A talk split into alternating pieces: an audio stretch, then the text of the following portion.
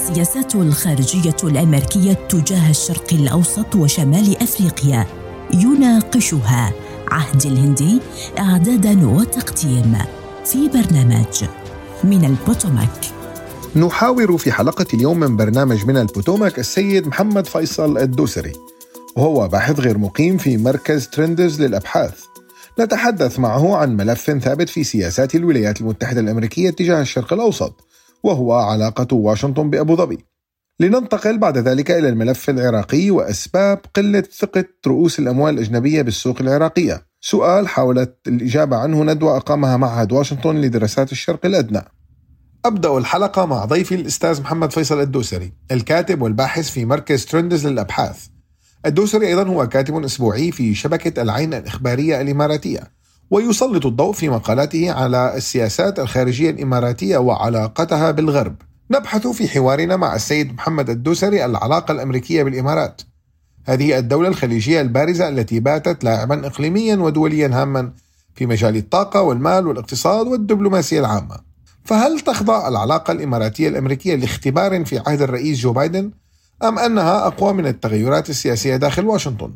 وما هي أهم الملفات التي تجمع بين البلدين؟ أهلا بك محمد الدوسري الكاتب والباحث الإماراتي ضيفا عزيزا على برنامجنا سأبدأ الحلقة بسؤالك عن العلاقة المميزة التي تجمع الولايات المتحدة الأمريكية بالإمارات ما الذي تنتظره الإمارات اليوم من علاقتها بالولايات المتحدة الأمريكية؟ ما هي الأسس والركائز لهذه العلاقة؟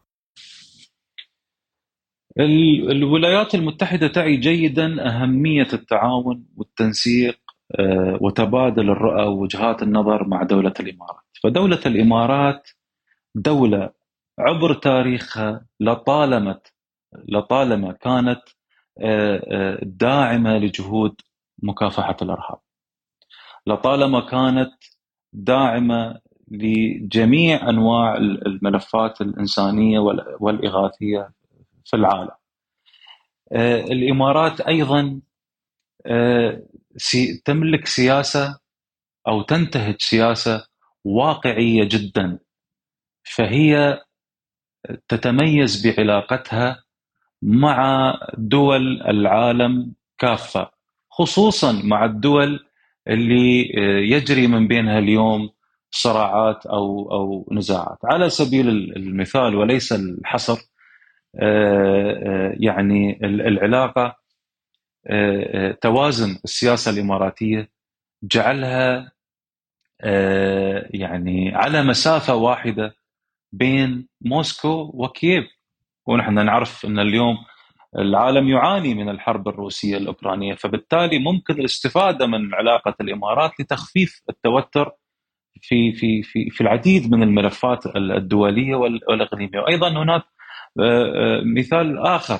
في التوازن. فالإمارات على مسافة واحدة بين آه، آه، إيران ومن جانب آخر إسرائيل. ونحن اليوم المنطقة أو الشرق الأوسط يحتاج للتهدئة والاستقرار.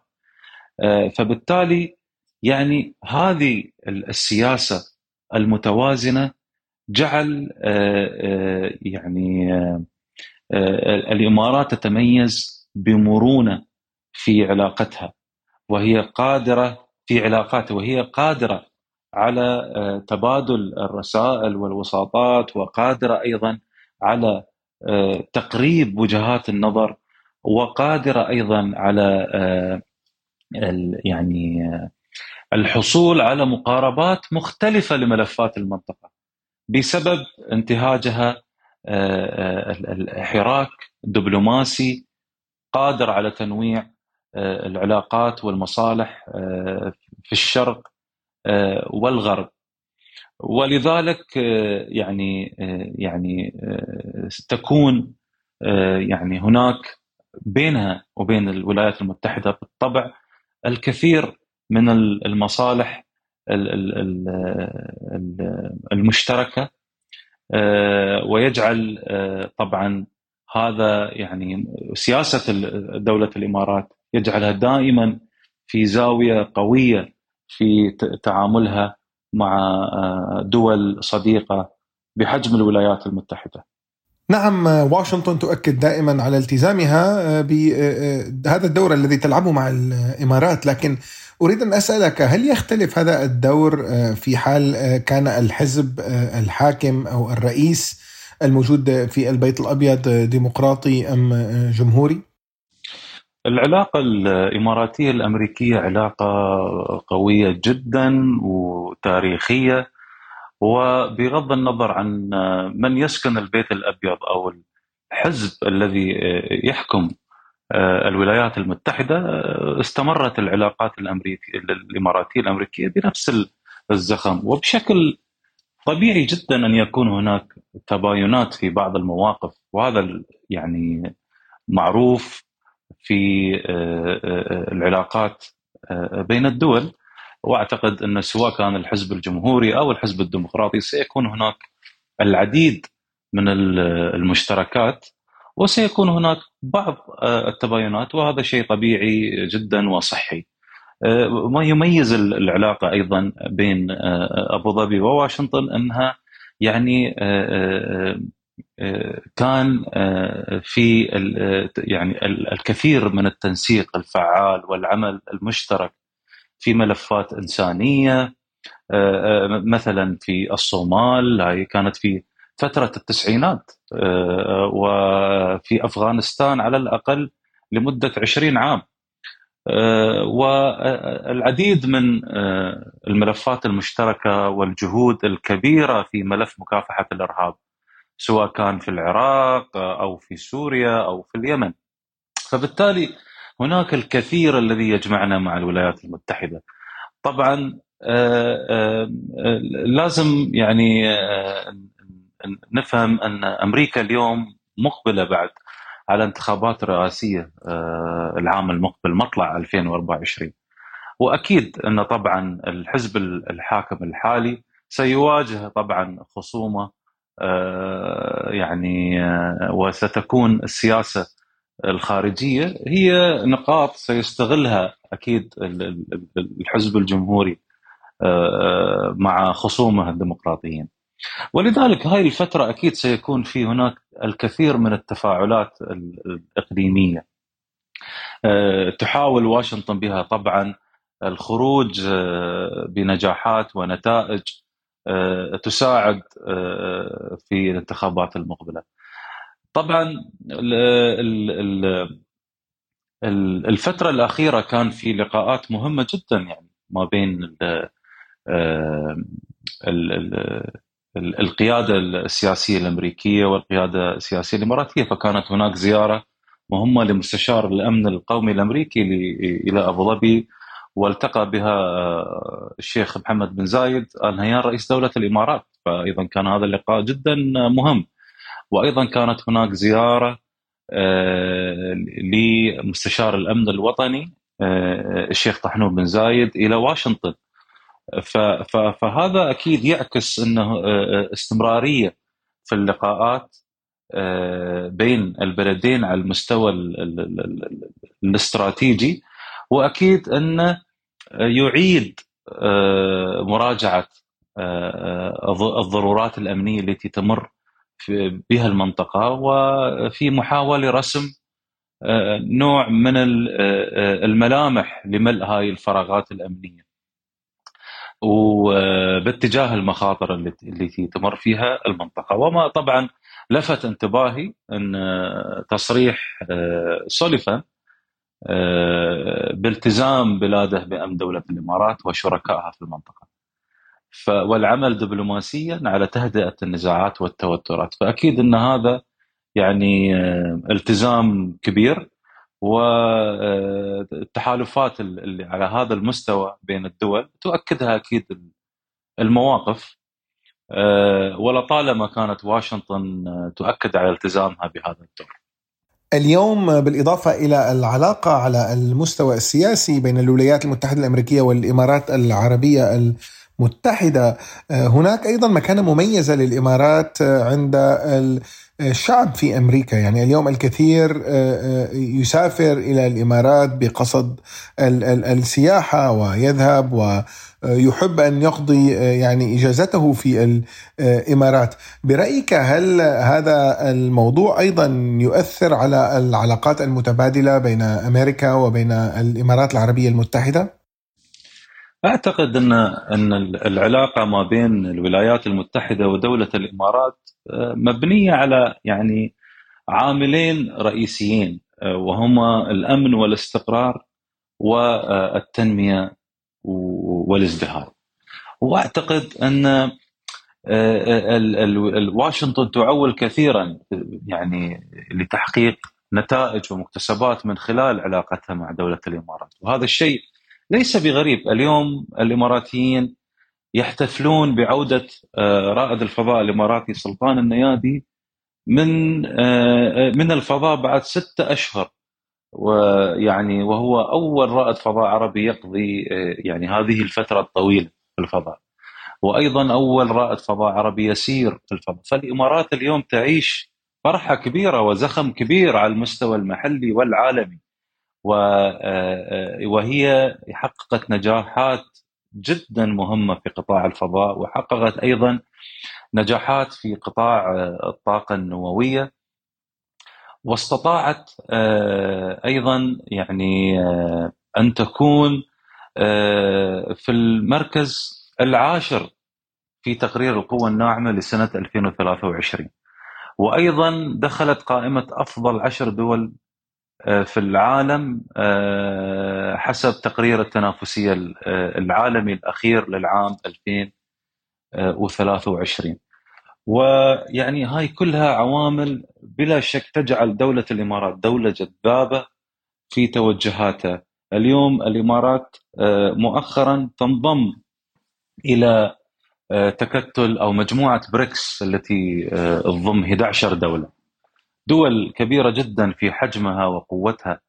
آه، وفي نفس الوقت آه، آه، تشارك في مجموعة العشرين بتأثير كبير جدا وفعال. خصوصا إذا عرفنا أن الإمارات كانت يعني خلف مبادرة الممر الاقتصادي الذي أعلن عنه مؤخرا. فهاي كلها كانت يعني عوامل نجاح بالنسبة لدولة الإمارات. بلا شك أن دولة بحجم الولايات المتحدة ستستفيد للغاية بعلاقتها مع دولة طموحة دولة وصلت للعالمية مثل الإمارات. دولة تملك علاقات جدا متوازنة آه، في العالم آه، شرقا وغربا وشمالا وجنوبا اليوم محمد نهج السياسة الخارجية الإماراتية تغير بشكل جذري وباتت الإمارات خلال العقود الأخيرة. آه، ذات نشاط فاعل أكثر تجاه السياسة الخارجية ولديها تحالفات عديدة وأحيانا هذه التحالفات يعني قد ينظر لها على أنها متناقضة هل هناك تفهم في الولايات المتحدة الأمريكية لهذه التعددية في العلاقات عند الإمارات العربية المتحدة؟ بتقديري أن الولايات المتحدة بدأت يعني إعادة بعض ال ال يعني إعادة النظر في بعض المفاهيم السياسية التي يعني تتبعها. وأعتقد أبرزها أن هناك تفهم ولو نسبي ولو مرحلي حتى بأن سياسة القطب الأوحد في العالم قد يعني لن تكون مجدية بعد اليوم. آه، وهي السياسة التي تقريبا مشت في العالم في أواخر القرن العشرين على الأقل أربع عقود. اليوم في القرن الواحد والعشرين آه، نحن نشوف عالم سريع ومتغير جدا وهناك إعادة آه، يعني هيكلة للعديد من التحالفات الإقليمية والدولية وتحركات براغماتية سياسية تقريبا نستطيع نقول إن كل الدول اليوم بدأت تتجه نحو التنوع في علاقاتها، الجميع يبحث عن المرونة. ولا أن وطبعا عكس المرونة قد تكون. التقييد فالعلاقة مع كتلة معينة أو مجموعة معينة ستقيد. أما المرونة فهي بلا شك ستصنع الفارق. فأعتقد أن واشنطن بدأت تدرك أن علاقاتها المتميزة وشراكاتها القوية في مختلف آه، أنحاء العالم بما فيها الشرق الأوسط ومنطقة الخليج تحديدا العلاقه مع الإمارات مثلا آه، وهو حديثنا اليوم هي علاقات ستصنع لها نتائج كبيرة. واعتقد آه، أن الدليل على هذا الموضوع أن أن واشنطن بدأت أيضا تدرك أن دول الخليج ليست فقط دول منتجة للطاقة. دول الخليج اليوم تملك برامج اقتصادية برامج تنموية طموحة جدا ومشاريع استطاعت تحقيقها. فبالتالي صار في واقعية. وهذه الواقعية هي اليوم الذي التي تفرض على واشنطن أنها تتعامل مع التغيير الكبير في التوازنات الجيوسياسية اللي حاصلة في العالم. ف إذا نلاحظ الدليل على هذا التفهم أن ال ال يعني مثلا على سبيل المثال يعني أن ال ال ال يعني واشنطن لم تجبر الإمارات ولا حتى الهند على سبيل المثال على خياراتها الأخرى. هناك علاقة مميزة بين واشنطن والهند وهناك علاقة مميزة بين واشنطن وأبو ظبي. وهناك تفهم أن هناك خيارات سياسية واقتصادية أخرى مرتبطة آه، بالإمارات مع الصين مع روسيا آه، ومع الولايات المتحدة. فهذا الشيء بدينا يعني نحس فيه. آه، الذي يميز السياسة الإماراتية أنها سياسة شفافة سياسة فيها مصداقية كبيرة. الإمارات لن تختار في علاقتها ما بين الشرق والغرب. الإمارات لن تختار في علاقتها ما بين واشنطن وبكين. الإمارات آه، تنتهج اليوم سياسة متوازنة جدا آه، بين الشرق والغرب سياسة متوازنة بين الشمال والجنوب.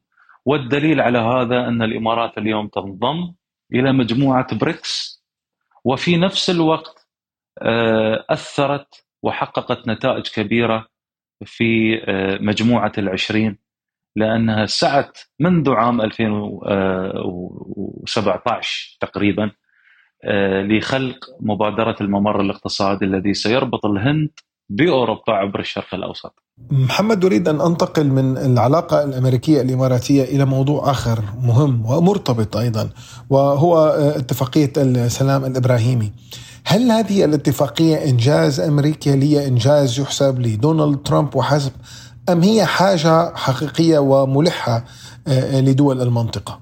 يعني أحد علامات آه، العلاقة المتميزة بين الإمارات والولايات المتحدة كانت كلمات الرئيس الأمريكي جو بايدن خلال آه، قمة مجموعة العشرين الأخيرة في نيودلهي عندما يعني كرر شكره ثلاث مرات للشيخ محمد بن زايد آه، وأضاف آه، لا أعتقد أننا كنا سنستطيع تحقيق ذلك من دونك. فكلمات هذه يعني الثناء يعني لم تكن وليدة الصدفة. هي كانت كلمات يعنيها الرئيس الأمريكي لأنه يعي جد جيدا ان أن آه، آه، الإعلان عن الممر الاقتصادي كان نتيجة لتحركات آه، دبلوماسية الإمارات. منذ عام 2017 مثل ما ذكرت حينها كانت بدايات تقريبا رسم ملامح هذا المشروع. وقتها الإمارات وقعت العديد من الاتفاقيات. قد تكون وصلت إلى 14 اتفاقية مع الهند. جميعها كانت في مجالات الخدمات اللوجستية والنقل البحري. آه، وشكل أيضا الاتفاق السلام الإبراهيمي آه، مع إسرائيل فرصة قيمة آه، للدفع بهذا المشروع الاقتصادي المهم للأمام. فأصبحت الإمارات بعد اتفاق السلام تستطيع التنسيق بين أطراف رئيسية في مشروع الممر وهي الهند وإسرائيل.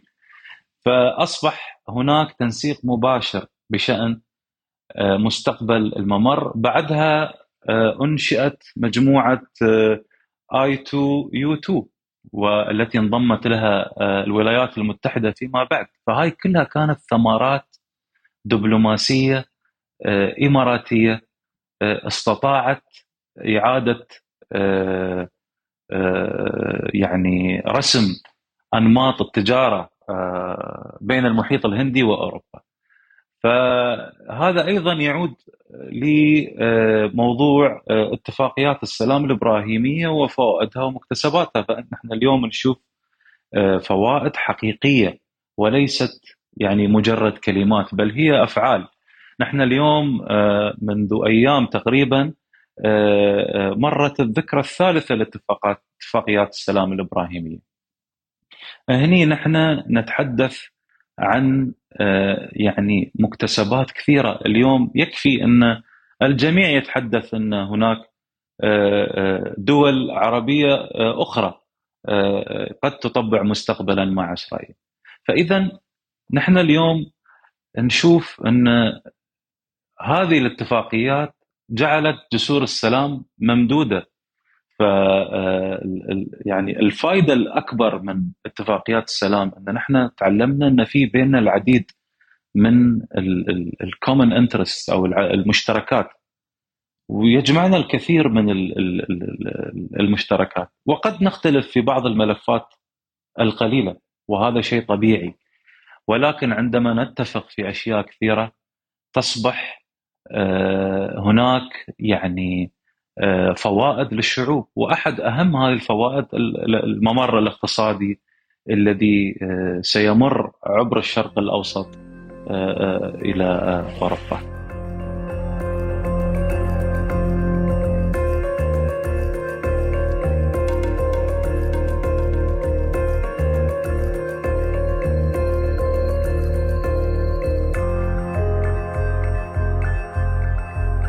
والآن إلى العراق والملف الاقتصادي الذي يشغل بال العراقيين اليوم أكثر من غيره.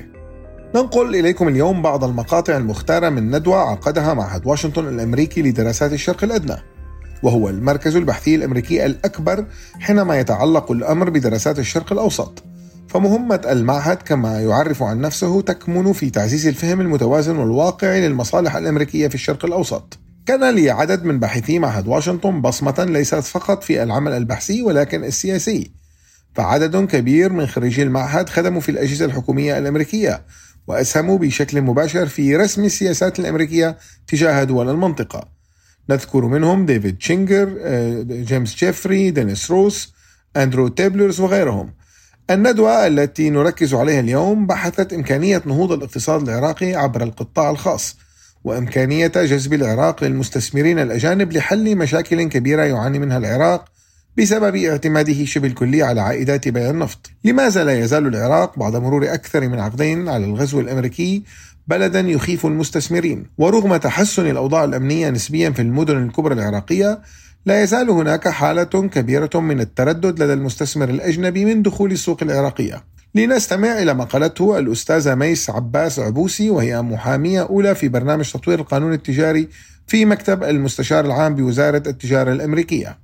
I think they don't see it. So the the way I would look at um, أعتقد uh, أن قطاع الأعمال الأمريكي لا يرى الفرص في العراق. عندما أنظر للعراق كنت دائما متفائلة بحذر. وهذه عبارة يستخدمها الكثيرون عند الحديث عن العراق من المتواجدين في منطقة واشنطن وما حولها. الموضوع في العراق هو أن الشركات الأمريكية تنظر للعراق على أنه بلد يتعافى من الصراع. واليوم ونحن نشهد نوع من الاستقرار وفي كل مرة يشهد فيها العراق نوع من الاستقرار تعود عقارب الساعة إلى الوراء. لذلك لدى العراق سمعة سيئة بأنه غير قادر على إبقاء الاستقرار. لذلك نوع الشركات التي تذهب للعراق هي الشركات مهتمة بالعقود الحكومية والامتيازات الحكومية وأيضا عقود في موضوعات مثل الأمن وشركات النفط والغاز. هذا هو الحال في العراق. اليوم نحن نرى استقرار أكبر من أي فترة مضت. لكن الشركات الأمريكية لا ترى العراق ولا تلتفت إليه. هناك شركات من الشركاء الإقليميين الذين دخلوا للعراق. بعضهم يرى أنه هناك فرصة ليستثمر في العراق ولكن هذا للأسف يحد من الفرص التي يمكن أن تراها الشركات الأمريكية. أنا أعتقد في حال وضعت نفسي في موضع الشركات الأمريكية سواء كانت كبيرة أو صغيرة وفي حال كنت في أمريكا أو خارج أمريكا في حال كنت مستشارة لهذه الشركات سوف أسأل اولا ما نوع العلاقة وما هي طبيعة الدعم الدبلوماسي التي تقدمه أمريكا لهذا البلد؟ وفي حالة العراق فإن التركيز هو أمني ويركز على النفط والغاز بشكل أولي. لذلك الشركات الأمريكية سوف تقول إن هذا هو النوع من الدعم الذي سأحصل عليه.